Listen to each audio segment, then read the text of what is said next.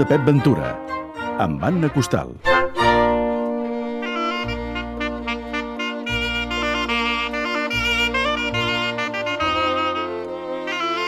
Anna, bon dia i bona hora. Bon dia a tothom. Ens acostem un cop més al món de Pep Ventura, aquest segle XIX apassionant.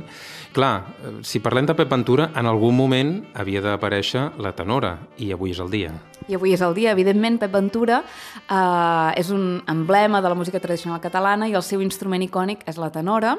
Aquest instrument és icònic per diversos motius, eh, perquè es pot dir que és únic, tot i que la Núria Bonet eh, està investigant que hi ha instruments molt similars arreu del món, i sonorament és el que identifica les sardanes, això per descomptat. Uh, la tenora d'en Pep Ventura es, conserva al Museu de la Música de Barcelona i podríem preguntar, escolta, i per què no està a Figueres, per exemple? Té un recorregut molt interessant que intentaria explicar. D'entrada, però, cal dir que és un instrument construït per el luthier Andreu Turon. El seu pare, Valentí Turon, i ell abans de, dels anys 50 del segle XIX, van començar a experimentar col·locant claus diverses amb aquestes xeremies més antigues.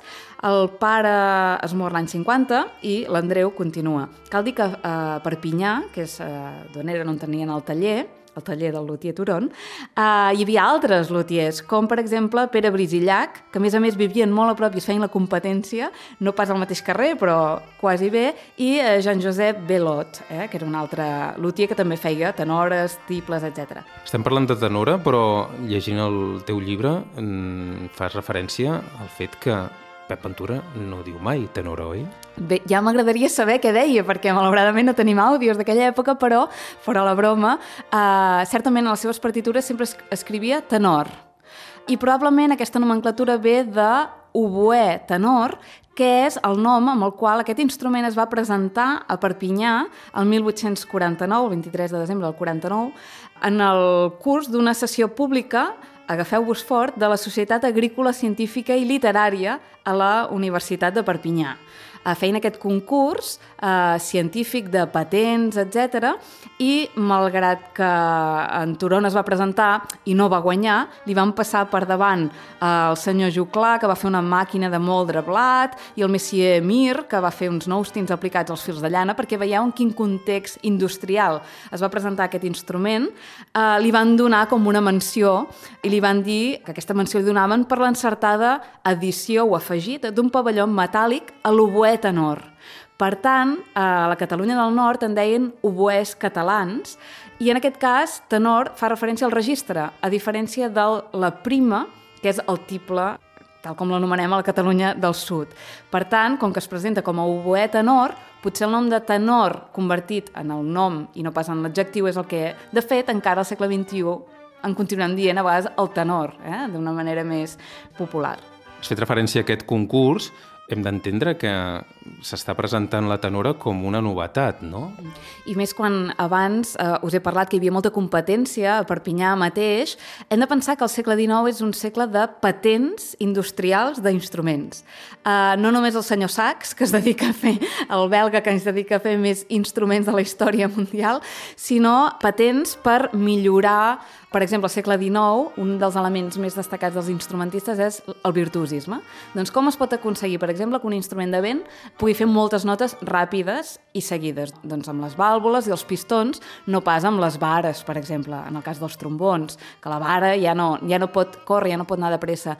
En el cas de la tenora, a més de l'afegit del pavelló, eh, més endavant s'incorporarà, com els tibles o les primes, s'incorpora el sistema bohem, que és un sistema que s'incorpora en clarinets i flautes un sistema d'anelles, no?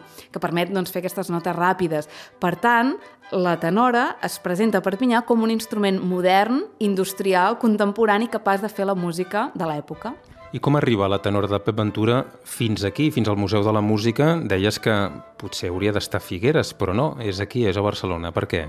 Aquesta és una història molt curiosa que ha reconstruït un periodista eh, que es diu Josep Playà, que és de Figueres precisament, i és una història eh, molt rocambolesca, és a dir, Pep Ventura mor el 1875 i el seu fill Benet se'n fa càrrec de la copla del seu pare fins que el fill Benet Ventura es mor l'any 90. Un cop mort Benet Ventura, que és l'hereu, eh, tot el material de Pep Ventura, les partitures i l'instrument, o els instruments, perquè entremig hi havia un clarinet, que aquest clarinet ha desaparegut, no sabem on està, passa a mans del marmessor de la família, que és del Mau Preses, que és un editor, un llibreter figuerenc bastant conegut. Passa per moltes mans, passa per un col·leccionista, passa per les mans d'un poeta, fins que, en algun moment de principis del segle XX, eh, va a parar a les mans de Salvador Dalí, i cosí, és a dir, el pare del pintor Salvador Dalí, el Salvador Dalí, notari de Figueres conegut, que compra aquesta tenora i que finalment el 1933 en fa una donació a la Junta de Museus de Barcelona. I aquest és el motiu central pel qual avui la tenora de Pep Ventura potser en va tenir d'altres, però si més no, la última, doncs es conserva en aquest Museu de la Música de Barcelona actualment. Això potser li hauríem de preguntar al senyor Manxaire, però és una tenora que no es deu poder tocar, o sí? Em consta que al principis del segle XX es va intentar eh, tocar alguna vegada, però actualment em penso molt que no, que és ben bé un objecte de museu, mai tan ben dit, perquè està força malmesa. És molt diferent a les tenores de l'actualitat? Realment no. Quan, quan tu la mires, veus les parts eh, exactament igual.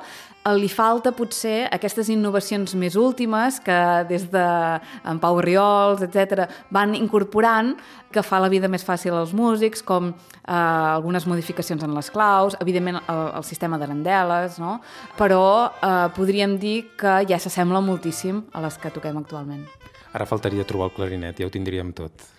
Doncs sí, faig una crida des d'aquí, que aquest clarinet de Pep Ventura, evidentment, que la tenora cridava molt l'atenció com a emblema de la música tradicional catalana, entesa la sardana també com a emblema de la música tradicional catalana, però un clarinet eh, era potser un instrument massa comú i massa modern com per conservar-lo juntament amb aquesta tenora.